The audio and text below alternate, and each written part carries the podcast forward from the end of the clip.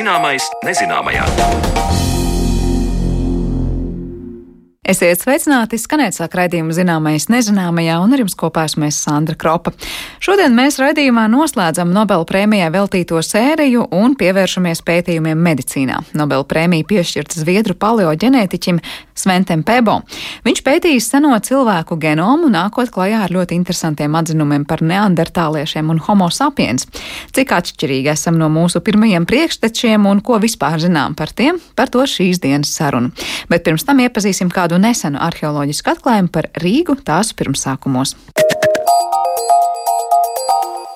Arheologi vecrīgā Mārstaļu ielā uzgājuši unikālas atradnes, to vidū grēzna keramika un 600 līdz 800 gadu sena treižuburu dakša. Kāda izskatījās Rīga laikā, kad šī keramika un darbarīki te tika lietoti un kā tie tik ilgi saglabājušies, par to vairāk Mārionas Baltkalnes sižetā. Arheoloģija nav tikai izrakt. Tur seko milzīgs tas neredzamais darbs, ja, kas ir pēc tam. Kā jau teicu, viens no nozares lielajiem arheoloģija ir nevis tas, ko tu atrodi, bet tas, ko tu uzzini. Kāpēc, kas, kādēļ mainās procesi, kādēļ mainās kultūra. Ja? Nevis tikai, o, ko jūs tur vērtīgi atradāt. Ja? Nē, nē, nē, tas, protams, arī ir jauka papildus pievienotā vērtība, ja? bet uh, tas noteikti nekad nav vairs galvenais. Tā stāsta vēstures zinātņu doktors, arheologs Artūrs Tomsons. Nesen publiskajā telpā izskanēja informācija, ka arheoloģiskās izpētes laikā Vecrīgā, Mārstaļu ielā 6, topošajā rakstniecības un mūzikas muzeja mājvietā, iepriekš neapbūvētajā iekšpagalmā atrastas labi saglabājušās liecības par Rīgas pirmsākumiem.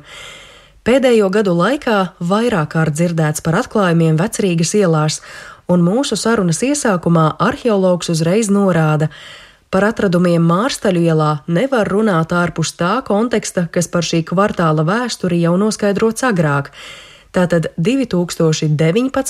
un 2020. gadā līdzās Alberta laukumam, vienai no vissenāk apdzīvotajām vietām tagadējās vecrīgas teritorijā, pētnieki uzdūrušies trim dažādām aizbērtās senās rīdziņas upītes krasta līnijām Kalēju ielā 64, 66. Savukārt pagājušā gada rudens posmā Vecpilsētas ielā 19 pētnieki simboliski kāpuši ārā no upes aizbēruma, šķērsojuši Alberta laukumu un uzgājuši vērtīgus atradumus - daudz dažādu koka detaļu, guļbūvju fragmentus, liecības par amatniecību, par dzels un dzintara apstrādi, aproces, piekariņus, kā arī agrās gotikas mākslas priekšmetu, māla figūriņu jeb stilizētu svēto dievmāti ar Jēzus bērnu bērnu. Šajā vietā dzīvojuši Rīgas pirmie dzīvotāji, lībieši, un dievmātes figūriņa liecina, ka tie bijuši jau kristītie lībieši. Par atradumiem Vecpilsētas ielā 19 mana kolēģe Zane Lāce Baltāksne jau iepriekš iepazīstinājusi šī raidījuma sižetā, un arhīvā to varat noklausīties atkārtoti bet mēs šoreiz dodamies vēl mazliet tālāk uz Mārstaļu ielu 6 un par to, kādus noslēpumus atklājusi šī adrese, turpina Artūrs Tomsons. Tas ir augurs, ja, ka nostājieties laukumiņā pie bijušiem četriem baltiem krēkliem. Augšā tur ir akas vieta bijusi. Jā, un uh, uz visām pusēm skatoties, reliefs iet uz leju. Un ejot tagad tālāk iekšā vecrīgā, mēs nonākam vietā, kur arī pagājušā vasarā bija iespēja uzraudzīt. Un, uh, tas grozgabals visai garš un ieeja no divām pusēm. Gan no vecpilsētas ielas, gan no Mārstaļa ielas. Un adrese ir Mārstaļa ielā, bet, uh, ja skatās plānā, nu, tas uh, gabaliņš ir tieši pa vidu apmēram. Mārsas ielas pusē, nu, pati ēka ir ļoti interesanta. Viņa ir arī vairāk uzbūvēta periodos veidojusies, un pagraba daļa ir visai, visai sena ar milzīgajiem sarkaniem māla ķieģeļiem, ļoti skaistām tādām arciņām, izmūrētām, ļoti senas kāpnes fragments saglabājies vienā stūrī. Bet kas attiecās, kas ir zemgrīdas, Nu, praktiski visticamāk, tas ir bijis jau padomju laikā. Poļu restauratori tur jau ir arī padarbojušies, un um, vismaz tajā dziļumā, ko tagad skāra būvdarbi, kultūras lēns lielākoties netika vairs konstatēts, bet iebērtas jau jaunas tīras smiltiņas. Tur grunts līmenis bija paaugstināts, bet vienā telpā izrādījās, ka šie tā laika darbi nav skāruši. Un uh, zondējot arī, lai varētu nu, prognozēt, kas tur potenciāli var būt, ar geoloģisko zoni. Nu, praktiski 1,82 metru biezumā konstatēja, ka būs darbs. Un tad jau laicīgi sākām gatavoties. Pilnīgi neskarts, labi saglabājies nepārjaukts, ļoti agrs kultūras slānis. Jūs it kā tā pa posmiņam, pa posmiņam tādu lielu it kā paklāju uzzīmējat, tad sanāk, ka diezgan likumsakarīgi. Es pat gribētu teikt, ka jūs Mārstaļielā arī pie kaut kā esat nonākuši, vai ne? Tieši tā, un zinot visus šos uh, iepriekšējos pētījumus, tur, protams, arī citi pētnieki citās adresēs ir daudz ko darījuši, bet nu, mūsdienu arheoloģija pilsētvidē jau tā nav tāda klasiska pētniecība, ko tu darīji zinātnes vārdā. Ja, kad tu vari izvēlēties savu laukumu platības, uh, formātus, tur pieaicināt tos speciālistus, nē, to diktē, protams, mūsdienu skarbā dzīves realitāte ir būvniecība. Un, tagad, nonākot šai vasarā Mārstaļa ielā, mēs, nu, teikt, varējām savilkt kaut kādus rezultātus kopā, ko mēs no tiem mazajiem pieejamiem gabaliņiem tad, nu, varam uzbūvēt šos secinājumus. Mēs nevaram palīdzt zem pagraba pamatu mūriem, ja mums tā gribās. Mēs darām to, ko ir nepieciešams saistībā ar būvprojektu, lai šīs liecības tiktu piefiksētas pirms tur iet virsū betons un pāļi un urpšana un vispārējais. Konkrēti šajā adresē tas, ko mēs redzējām, nu, tas laukums, protams, bija ļoti, ļoti neliels, bet uh, tika fiksēts astoņas kārtas, dažādi veidi saskalojumi, zilie māli.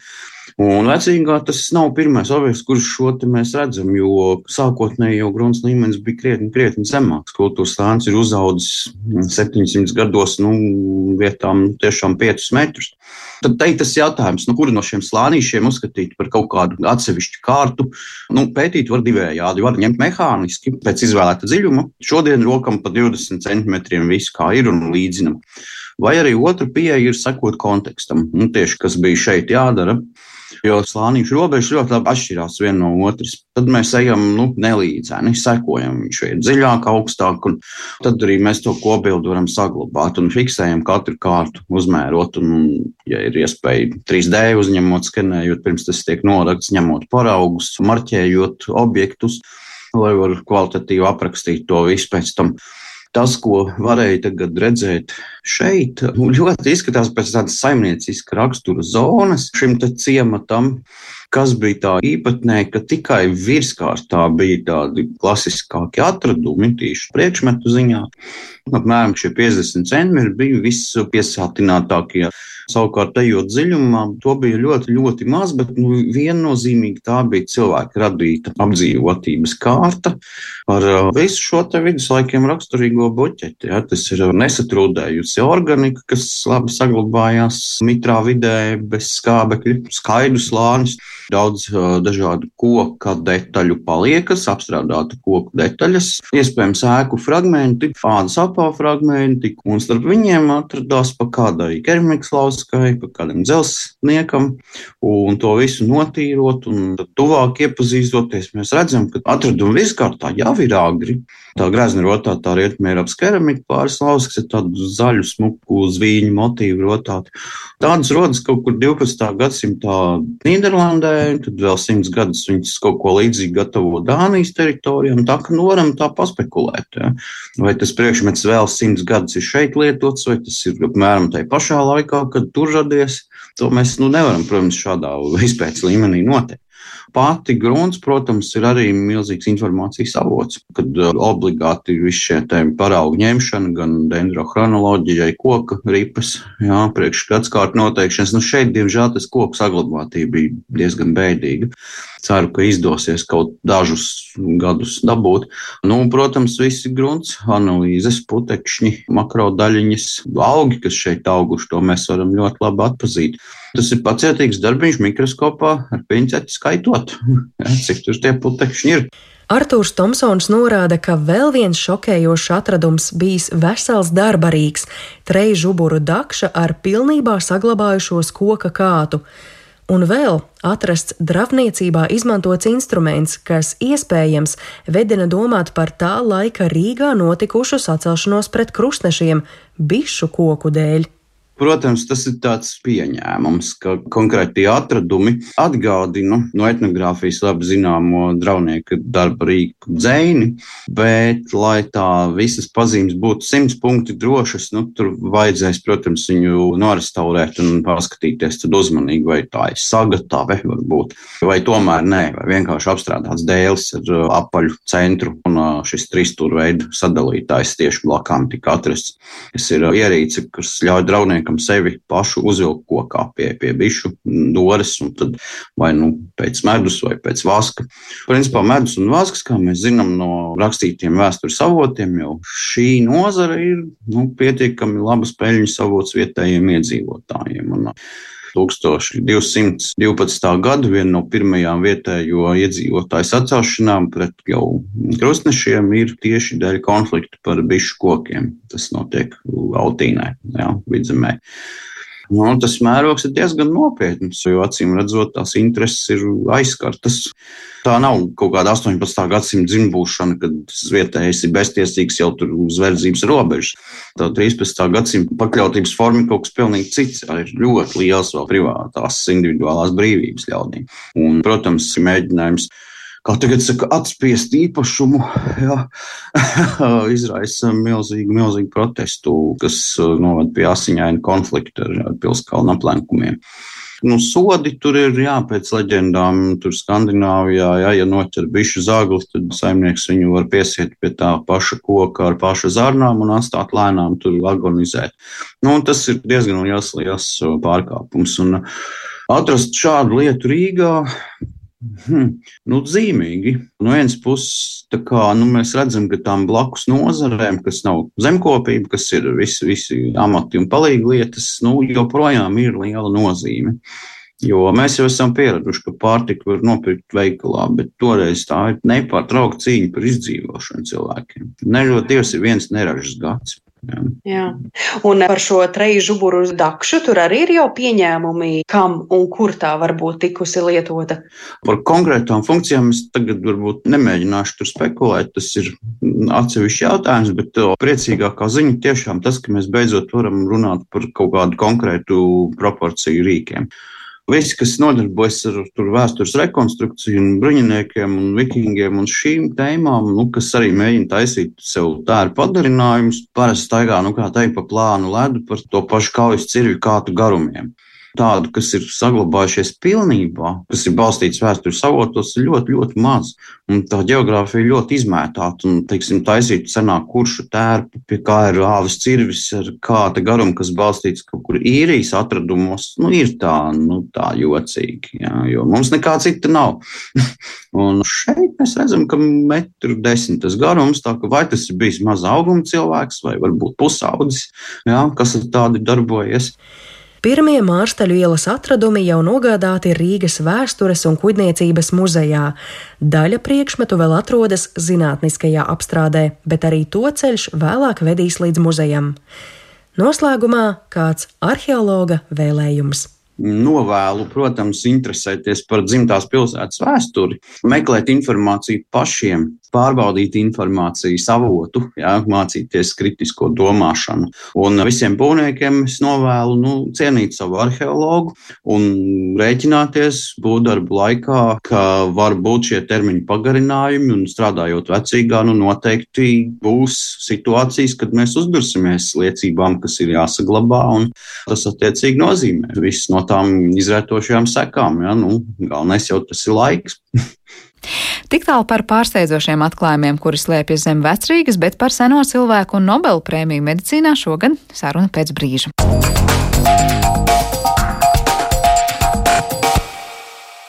Turpinot ielūkoties šī gada Nobela godalgotajos pētījumos, esam nonākuši līdz medicīnas nozarei, un šoreiz tajā laureāta godā nonāca zviedru paleoģenētiķis Svente Pebo, kurš pētījis seno cilvēku genomu un nonācis pie interesantiem secinājumiem par cilvēku evolūciju. Kā homo sapiens eh, ceļi krustojušies ar neandertāliešiem un vai pētot seno cilvēku genomu, varam ko būtiski uzzināt arī par mūsdienu cilvēka fizioloģiju. To visu mēs tūdaļ vaicāsim mūsu studijas viešņām antropoloģijai psiholoģijai Ailī Marnicai un Rīgas Stradiņu universitātes emeritētai profesorai Erikai Naglai. Labdien! Labdien!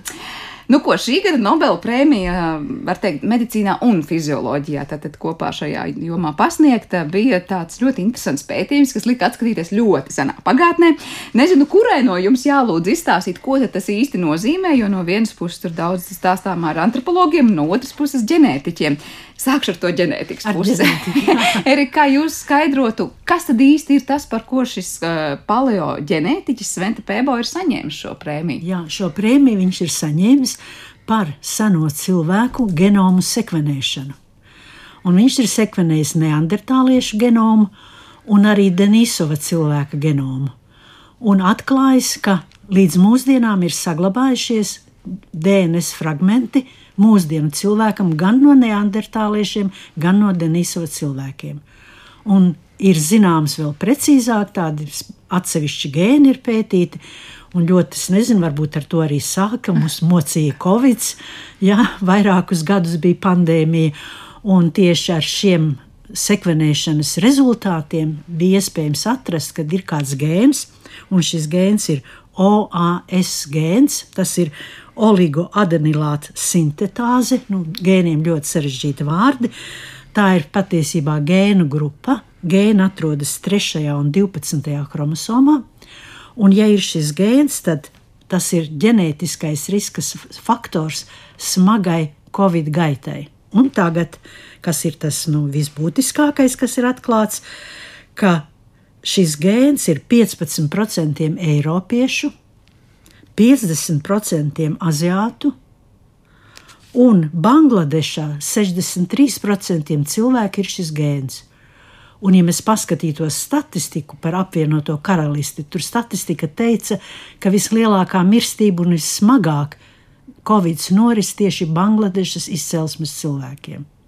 Tas tad ir interesanti, ka skatoties uz šo eh, seno genomu pētīšanu, var teikt, Covid laikā zinātnieks nonāca pie tā, ka ieraudzīja, ka mūsos pašos ir konkrēti šis gēns, kas ir ļoti saistīts ar to, kā noris Covid slimības gaita kāds sakars šim konkrētam gēnam ar to, kas tad ir ar tiem neandertāliešiem un Denisovu cilvēkiem? Jā, šis gēns ir no neandertāliešiem, nu zināms, var jau būt, ka Denisovs. Tas vienmēr bija zināms, ka tas ir tas gēns jau no neandertāliešiem, vai tas ir konkrēti kaut kas jauns, kas tika? Nē, tikko... nu tas tagad, tas tagad, tas, tas tika publicēts mm. 2020. gadā. Nu tas bija zemestrīcei līdzīgs paziņojums, protams, ja, tas ir pilnīgi jauns. Tad var teikt, ka neandertāliešu gēns un tas mantojums, kas ir mūsos arī mūsdienu cilvēkos, jā. patiesībā ir ļoti bijis saistīts ar to, cik smagi cilvēki ir slimojuši ar covid. Nē, tas tā nebūtu saistīts, jo mēs jau šīs gēna funkcijas pilnībā nesaprotam. Tā ir viena no tām, ko mēs tagad esam atraduši. Acīm redzot, šis gēns evolucionāri saglabājās neandertāliešos, jo varbūt šim, šī gēna citas funkcijas pasargāja no kaut kā vēl briesmīgāka un vēl bīstamāka. Jo evolūcija ir tāds, nu, process nu, ārkārtīgi sarežģīts, ļoti ilgstošs. Tie ir simtiem tūkstošu gadu, kas tādam parastam cilvēkam, kā piemēram man, nav pat aptverams tā laika mums, Jā, mums nu, daudziem vairumam no mums tas nav aptverams. Tātad to tā nevarētu teikt, ka tāpēc, ja neandertālieši slimoja Covid, tagad tas ir tā. Jā, bet tad, tie, kuriem šis gēns ir mūsdienās, var teikt, ir vairāk neandertāliešu pēcteči. E, nu, tā, nē, tā mēs nevaram teikt. Nu, vispār jau Eiropiešiem ir 1 līdz 2 procenti. Ja? 1 līdz 2% šie te, nu, neandertāliešu gēnu Eiropiešiem un Aziātiem. Un, nu, citur raksta līdz 4%, bet nu, es tā drusku tā piesardzīgi saku. Bet afrikāņiem tuvu nulē šie gēni. Un tagad atkal padomājiet, nu, tas varbūt tā drusku frivoli priekš tāda raidījuma, un tomēr par antivakseriem runājot, piekliedza visus sociālos tīklus. Āfrikā nebija vakcīnu, Āfrikā tik un tā neslimoja tā kā Eiropā, un tā ir taisnība. Āfrikā Covid tik smagi neņēma kā Eiropa. Viņiem vienkārši nav šā, šī gēna, vai varbūt ļoti nedaudziem.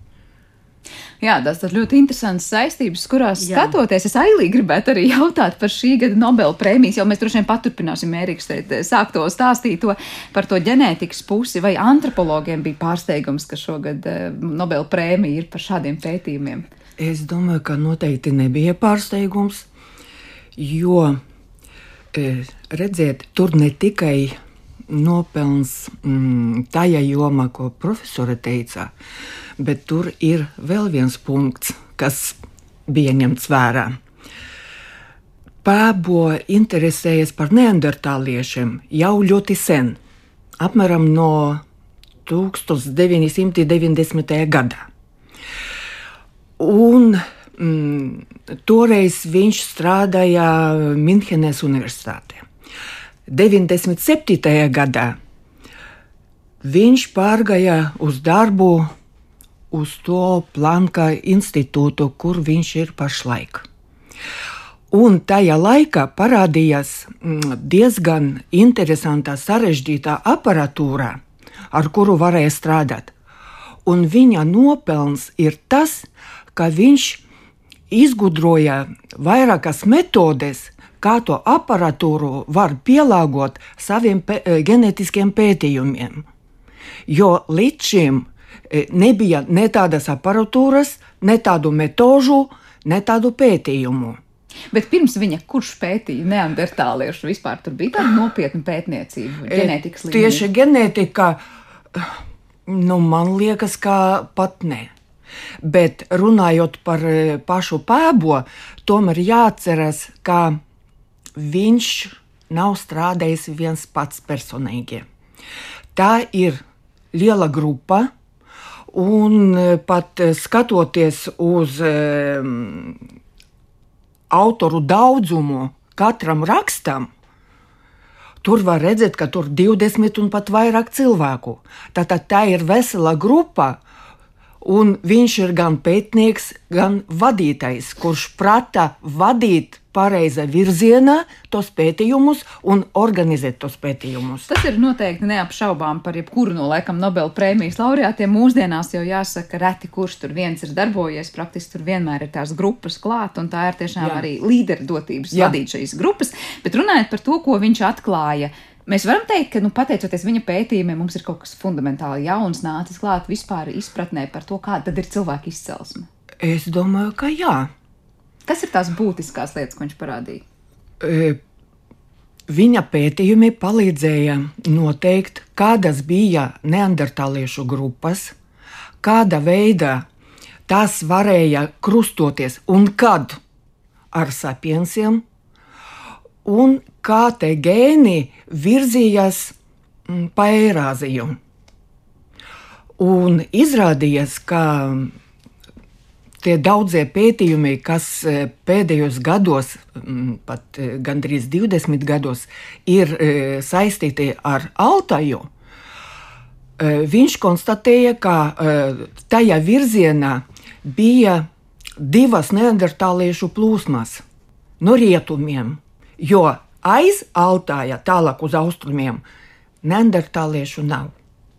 Un viņš arī konstatēja, ka kādas grupas varēja krustoties ar Denisoviešiem, Nu, varbūt e, šeit arī saistībā ar Bangladešu. Ja neandertālieši krustojas ar denisoviešiem, un denisovieši pēc tam virzies tālāk uz austrumiem, līdz Jāvai un kur, kur tur vēl, tad viņi varēja aiznest tos neandertāliešu gēnus pēc krustošanas arī uz Bangladešu. Tāpēc tur tie procenti tik augsti, ja tāpēc jūs teikt tā bet, iespējams. Bet to, to neviens nevar tagad pateikt. Mazliet varbūt liekot tādos rāmjos par sarunu cilvēkiem, kas nav ne ar ģenētiku, ne ar cilvēka evolūciju uztu. Mēs runājam šobrīd par kuru laiku un par kuru reģionu, ja mēs runājam par denisoviešiem, ja mēs runājam par neandertāliešiem un laika vienību, kurā tad viņi tur kur gāja un nesa šos e, gēnus. Tā, e, tātad sāksim ar neandertāliešiem. Kad pirmā plūsmā mūsdienu senču grupu vir, eh, virzījās no Āfrikas, tas bija vairāk nekā pirms 200 tūkstošiem gadu. Bet tajā laikā Eiropā neandertālieši jau bija. Un notika tā, ka kāda mm, grupa no tiem senčiem satikas ar neandertāliešiem, un kāda sieviete mm, nokļuva teiksim, tā neandertāliešu ģimene, un sievietes gēni tur parādījās. Bet pati to senču grupa izmirā, neizturēja. Tā, kas nāca no Āfrikas, tātad Jā, satikās ar neandertāliem. Pēc tam bija vēl viena plūsma no Āfrikas. No tās plūsmas kāds vīrietis atstāja savus gēnus, to var redzēt pēc eh, Y chromosomas. eh, eh, Atstāja neandertāliešus savas pēdas, tā teikt. Arī tie būs kaut kādi 200 tūkstoši. Nē, tas, tie? tas jau varētu būt eh, 190 tūkstoši. vot Tā. Tātad 100 tūkstoši vai 90 Jā, tūkstoši gadu. jā, tad jā. ir tā atšķirība. Un pēc tam bija trešā plūsma. Un tikai tā trešā plūsma no Āfrikas aizgāja beidzot uz Eiropu. Un tad tie kontakti bija daudz ciešāki. Tad var teikt, trešajā plūsmā pavisam noteikti neandertāliešu gēni bija daudz vairāk klātesoši, un tur bija tie kopīgie homo sapiens un neandertāliešu pēcnācēji. E, par pēcnācējiem tur atkal e, ir e, tāds e, jautājums, jo ne visi pāri varēja radīt pēcnācējus, jaukti pāri, es domāju. Un bērnu varēja arī nebūt, vai vīriešu bērni, dzimtas bērni, pieaugot pēc tam nevarēja atstāt pēcnācējus. Neauglīgi bija. Un e, sevišķi mm, tas skara pārus, kur neandertālietis vīrietis un sapiensu sieviete, tas bija neauglīgas pāris. Vai ģenētikai tur ir ko teikt, un ir kaut kādas versijas, hipotēzes, kāpēc tā, ka neandertāliešu uh, vīrietis un homo sapiens sieviete nevarēja atstāt Nē, pēcnācējus? es tādu es neesmu par to nekad lasījusi. Es tikai zinu, ka šie gēni sajaucās, jo des, simt, nu, vairākus desmit tūkstošus gadus neandertālieši ar homo sapiens senajām formām dzīvoja blakus. Un vecākā literatūrā, kad es agrāk lasīju, tad vienmēr tika rakstīts, ka nevar saprast, kā tā var būt, ka nesajaucās tie gēni. Un tagad pā, Pābo atklāja, ka sajaucās gan, Jā. ka tomēr viņi savstarpēji šīs nu, krustošanās gluži nevarētu teikt, varbūt pārošanās ir notikusi.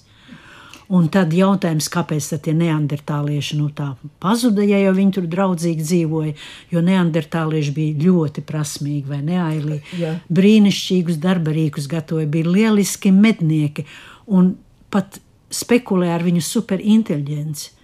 Ka mums tagad ir smadziņu tilpums apmēram 1300 kubikcentimetru, nu, ja es nesamēlojos, ja? Vidēji. bet neandertāliešiem bija 1410 kubikcentimetri. Tad kāpēc viņi izzuda? Un man atkal gribas drusku spekulēt, ko es arī esmu lasījis, un arī šodienas kontekstā, ka uzskata, ka homo sapiens mēs bijām daudz agresīvāka suga.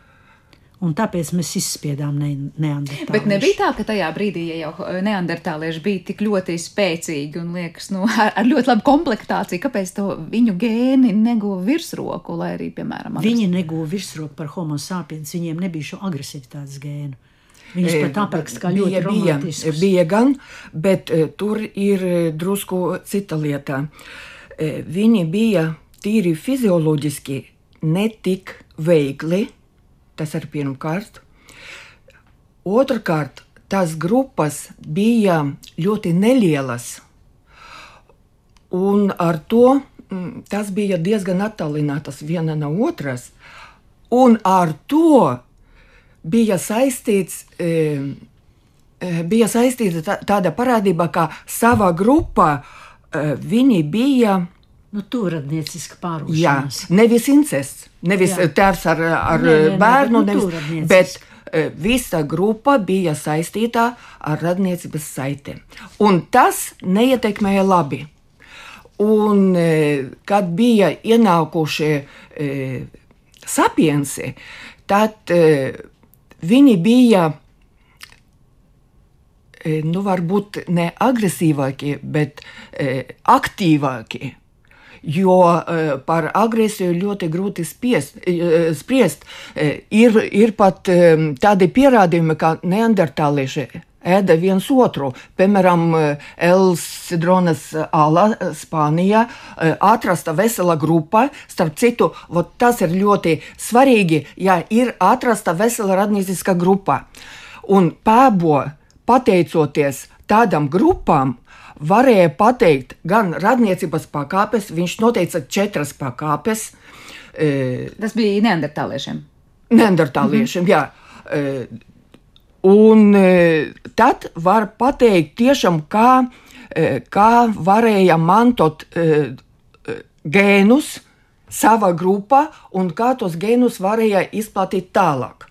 Viņš arī noteica, ka no tām grupām 60% sieviešu gāja prom, tātad e, viņus par sievām ņēma cita grupa, bet vīrieši palika savā grupā, patrilokālā e, grupa, tā saucamā. To arī pēbo e, noteica. Par to nu, nu, bija runāts jau arī agrāk, bet viņš to pierādīja tieši pētot eh, neandertāliešu grupas. Tad viņš patiesībā spēja izsekot tam, kā savulaik tie neandertālieši ir savstarpēji tur pie kā gājuši, kas palikuši un tā tālāk. E, nu, tā var arī tā teikt. Jā, jā. Eri gribēja ko piebilst pie tikko minētā par šo tēmu? Nē, es jau piebildu par starpu, ka tās ir tās turodnieciskās laulības, kas arī tiek uzskatīts. Bet kā tad sanāk šajā brīdī, kad mēs arī jūs teicāt šis te, nu, no neandertāliešiem gēns, kas ir nu, konkrētā daļā mūsdienu sabiedrības, šobrīd mums cilvēkos ir kā nu kuram kāds procents no, piemēram, šī neandertāliešu gēna, ko jūs teicāt, kaut kur Bangladešā, vairāk Eiropā, mazāk vai Āfrikā, nu, pavisam nu, maz. Vai mēs varam teikt, ka mums pilnīgi katrā, kur nē, mēs šobrīd nē. dzīvojam, ir kaut kādas neandertāliešu pārmantotas? Ir, jo apmēram, nu, kā es lasīju, 40% no neandertāliešu genoma ir saglabājies mūsdienu cilvēkos un ļoti dažādās vietās genomā. Tur vēl ir, nu, mēs vēl neko par to faktiski nezinām, ir daži piemēri. Bet, protams, ja tik daudz neandertāliešu genomu ir saglabājies, ka skaidrs, ka mums nu, droši vien, ka gandrīz visiem kādi gēni ir, mēs nezinām to vienkārši. Par šo konkrēto gēnu piemēram, ir zināms, jo tas bija ļoti aktuāli. Bet kur ir šie neandertāliešu gēni? Tas šobrīd būtu nosakāms, ja mēs tā gribētu katrs par sevi meklēt, jo mums ir zināmi, kur ir tie neandertāliešu gēni, kur tie sarežģītie nosaukumi būtu jāmeklē. À, ne, šie sarežģītie nosaukumi ir arī mūsdienu gēniem. Tas jau nav tikai. Jā, jā nē, es vienkārši domāju par to, jā. ja kāds gribētu zināt, nu tad tie 40% es šaubos, ir, kādi vai... ir, par ko tie atbild? Cik daudz par to ir zināms? Es domāju, ka tas vēl nav zināms, ir daži piemēri. Es vēl kādu piemēru pateikt. Ja? Nu, piemēram, par HLA gēniem. Un ir tāds HLA gēns, kas ir nu, no senajiem cilvēkiem iegūts. Mēs esam ieguvuši to pētīja Stefords Universitātē. Un šī gēna nozīme ir tāda, ka tas palīdz nu, cīnīties pret infekcijām. Nu, tas vispār ir tāds antigēnu liels, liels komplekss. Un šis HLA gēns ir tātad mums tas ir svarīgi, jo atceramies, viņi ir ļoti daudz šo gēnu, viņi ir tūkstošiem variantu. Jo daudzas infekcijas slimības jau ir endēmiskas, tās ir kaut kādā noteiktā rajonā, tāpēc katrā vajag būt drusku citam gēna variantam. Un šāds gēns arī ir saglabājies līdz mūsdienām, zināms, no mūsu senčiem.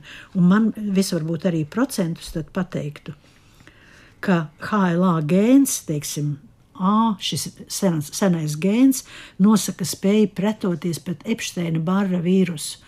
Nu, tā ir diezgan smaga infekcijas slimība. Tur var nonākt pat līdz liesas plīsumam, ļoti augsta temperatūra un tā tālāk.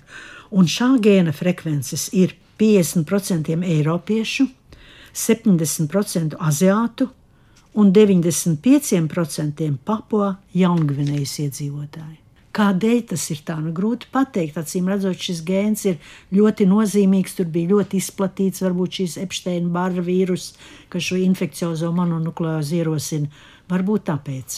Bet šis savukārt gens, jūs teicāt, no tiem senajiem cilvēkiem, mēs šeit arī runājam par neandertāliešiem, par citiem senajiem Šis cilvēkiem. Šis ir par neandertāliešiem. Arī, Pagaidām par ne, bet par, par denisovīšiem arī ir kāds piemērs par šo te gēnu EPAS1. Par ko tas atbild? tas atbild par, nu, par skābekļa regulāciju organismā. Un tibetiešiem ir ļoti liels procents lielam procentam tibetiešu ir šis gēns, tas palīdz izdzīvot augstu kalnos, hipoksijas apstākļos. Un tas, tas, ir no, tas ir no Denisoviešiem. No Denisoviešiem. Jā. To pā, pābo izpētīja. Jā, jā, tā, tā, jā tas, ir. tas bija viens no viņa pētījumiem. Mm. Bet vēl e, neandertāliešu mantojums ir tāds, e, es drusku gribēju piebilst um, par tām infekcijām. E, kāpēc tas ir svarīgi? No, kā no neandertāliešiem ir mantota tāda spēja pretoties infekcijām. Redziet, ja tie cilvēki, kuri bija ienākuši no Āfrikas, gaidītu, kamēr viņiem izveidojas tā pretestība, varbūt varētu paiet vēl tūkstoši un simti e, tūkstoši gadu. Bet mantojot no neandertāliešiem tos gēnus, viņi varēja ātrāk pielāgoties jaunai videi. Tā bija izdzīvošanas iespēja. Un tāpēc tas ir ļoti svarīgi. Nu jā, to pretošanos slimībām es pieņemu, mums evolūcija parāda jau ļoti skaidri, ka visos laikos tā ir bijusi ļoti, ļoti būtiska lieta, kur tiešām šie gēni ir parādījuši. To, to, to var salīdzināt ar poti. Jā, tā ir tāda kā vakcinācija tikai citos jā, laikos. Jā. Bet, uh, Erika, jūs pirms tam teicāt, ka mums tie 40% apmēram ir no genomā tātad no neandertālošu. No, ne, neandertālošu genoms. No, mums, jā, 40% ir mūsos kaut kur izkaisīts. Jūs teicāt, mēs tikai nezinām, kurā vietā genomā. Kāda nozīme ir tam, kurā vietā genomā kaut kas nu, atrodas? Tāpēc, ka gēni jau nav tādi vienturnieki. Liela nozīme, kur gēns atrodas kāda ir viņa kaimiņa. Tā kā mums nav vienalga, kas blakus sēž. Tas ir tas stāvokļa efekts. Nu, turklāt, nu, protams, ir tāds gēnu saimes, gēnu klasteri. Ja tur kāds gēns ir arī no neandertāliešiem, ja, tad mēs saprotam, ka tās funkcijas tur ir līdzīgas. Nu, tāpēc būtu svarīgi noskaidrot, kur ir, bet mēs to nezinām. Un mēs to vēl ilgi nezināsim.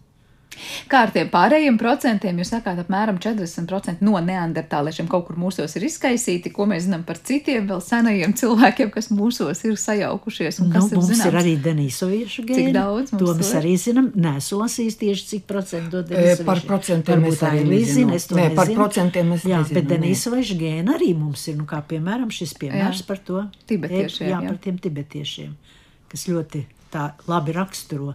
Jo denisovieši jau bija austrumos, neandertālieši vairāk rietumos un denisovieši austrumos. Vairākos rakstos mm, ir teikts, ka e, Āfrikā mm, tie mūsu senči, kas, e, kas vēlāk izgāja no Āfrikas uz Eiropu, krustojas ar kādam pat līdz šim nezināmam sugam. Tās sugas joprojām nav noteiktas, nav atrastas, bet cilvēku genomā bez neandertāliešu gēniem ir kaut kādi mm, gēni vai, vai mm, gēnu grupas, kā to pareizi pateikt, genetika. Jā, gēnu saimes tā jā, var teikt. E, ir, bet pagaidām nevar noteikt, no kā, no kādiem cilvēkiem uh, no kādas populācijas tas ir mantotas. Un nu, vismaz desmit gadus e, rakstos parādās tā informācija, ka pastāv vai pastāvēja kaut kāda suga, jo Āfrika faktiski ļoti maz izpētīta. Tur gan nepārtraukti kari, gan diezgan sarežģīti mm, klimatiskie apstākļi, tur e, viss, kas ir kopumā. Eh, kas eh, apgrūtina pētījumus. Nevar taču izrakt pilnīgi visu Āfriku un izpētīt pilnīgi visu, kas ir tajā zemē. Pat Eiropa, kad, kas skaitas ļoti labi izpētīta, nu nevar pilnīgi visu eh, apgast kājām gaisa un visu izpētīt. Tāpēc tas ir nākotnes jautājums. Un tur bez ģenētikas nu, arī no, nevarēs izteikt. Bet jūs pieminējat šīs cilvēku sugas nezināmās. Saprotu, jā. Jā?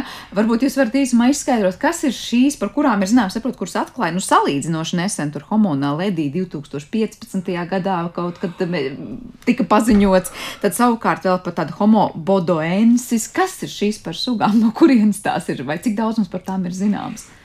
Redziet, Kādreiz, vēl 80. gados, varbūt tika uzskatīts, ka cilvēka evolūcija noteikti, e, notika lineāri. bija pitekantropija, pēc tam bija neandertālieši, pēc tam bija sapiensi un viss tā kā pa šoseju. E, un e, nu, vismaz pēdējo 40 gadu laikā tas viss neapstiprinājās, teiksim tā maigi. Jo pirmkārt, pitekantropija Tā bija tikai viena grupa no visiem paleantropiem, un cik tur bija vēl Āfrikā, ko mēs vēl nezinām. Un kā, e, kādas grupas varēja attīstīties no e, vēl senākām grupām, aizejot e, Āzijas virzienā uz austrumiem, to pat grūti iedomāties. Un visas tas grupas savā starpā krustojas, sajaucas. Nebija tā, ka ot, ja pieder pie pietiekantropiem un tā ir noslēgta grupā. Tās grupas krustojas savā starpā. Pēc tam, kad satikas e, ar e, kādiem e, seniem pārstāvjiem Eiropā, atkal krustojas. Un, ja agrāk tā evolūcija bija lineāra, tagad Visi zinātnieki, visi antropologi uzskata, ka tas ir drīzāk tīkls.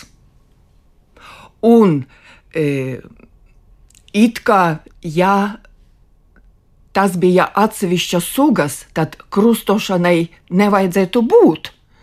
Bet tomēr bija. Tātad e, tur, kur reproduktīvā izolācija aizgāja tālāk, tur nebija. Kur e, tā nebija tik strikti noteikta. Tur varēja noteikt. E, atkal dažāda pakāpe, mm, auglība un neauglība e, sakarā ar to radniecību. Un, un tagad e, visi antropologi uzskata, ka dēļ tās krustošanas mums arī ir vairāki gēni gan no denisoviešiem, gan no neandertāliešiem, gan no visādām e, citām grupām, kuras e, zinātniski vēl nav izdalītas. Bet var teikt, ka šīs konkrētās sugas ir tādas tā kā nu, paralēlās grupas. Paralēlās grupas. Kur bija jā, jā, jā, tieši tā. Un, e, Sevišķi tas attiecas uz tām senām grupām, pirms mūsu senči e, bija izgājuši no Āfrikas, un pat vēlāk. Jo tur, tur taču nebija izgājuši pilnīgi visi. Tur lielākā daļa palika uz vietas, un viņi turpināja attīstīties gan paralēli, gan savā starpā krustojoties. Jā, tiešām tāds pamatīgs tīklojums, un tas laikam būtu visticamākais variants. Tieši tā, jo, jo arī, nu, paņemsim pašlaik mūsu Eiropu. Kā tagad cilvēki brauc uz visam valstīm? Cik latviešu ir Anglijā, Vācijā un kur tur vēl pat Ķīnā. Un viņi arī aprecas ar citu nāciju, ar citu tautu pārstāvjiem. Tas arī ir krustošanās, un tas arī gēnu apmaiņā. Bet mēs vis, vismaz esam vienas sugas pārstāvji. Bet, ja tas notika ar citu sugu, tad tur arī e, gēnu pienesums ir jau daudz nopietnāks. Jā, Erika, laikam, lai tāda suga ar sugu beig, beigās tomēr ļoti veiksmīgi radītu tos pēcnācējus, laikam, te ir gājis visādi ģenētikā un nevienmēr tie piemēri ir bijuši tik veiksmīgi, bet nu, tā vairāku simtu tūkstošu gadu vēsture parāda, ka, ka tas ir noticis, ja, un mēs tiešām esam mantojuši. Es gribēju pajautāt, Railī, es kaut kur lasīju, ka mums arī šimpanzes gēni ir atklāti saglabājušies līdz mūsdienām. Es nezinu, vai tā ir. Nu, ziniet, daudz jau spekulācija ir arī publikācijās. Ziniet, jūs par genoma uzbūvi zināt daudz vairāk nekā es. bet, bet, ja to genomu sadalīt atsevišķos gēnos, tad sanāk tā, ka mums ir gan burkānu gēni, gan vārdes gēni, gan viss kas. Tātad, ja mums ir arī šimpanzu gēni, es nebrīnos. Bet tas nenozīmē, ka, ka mēs esam šimpanzes jau.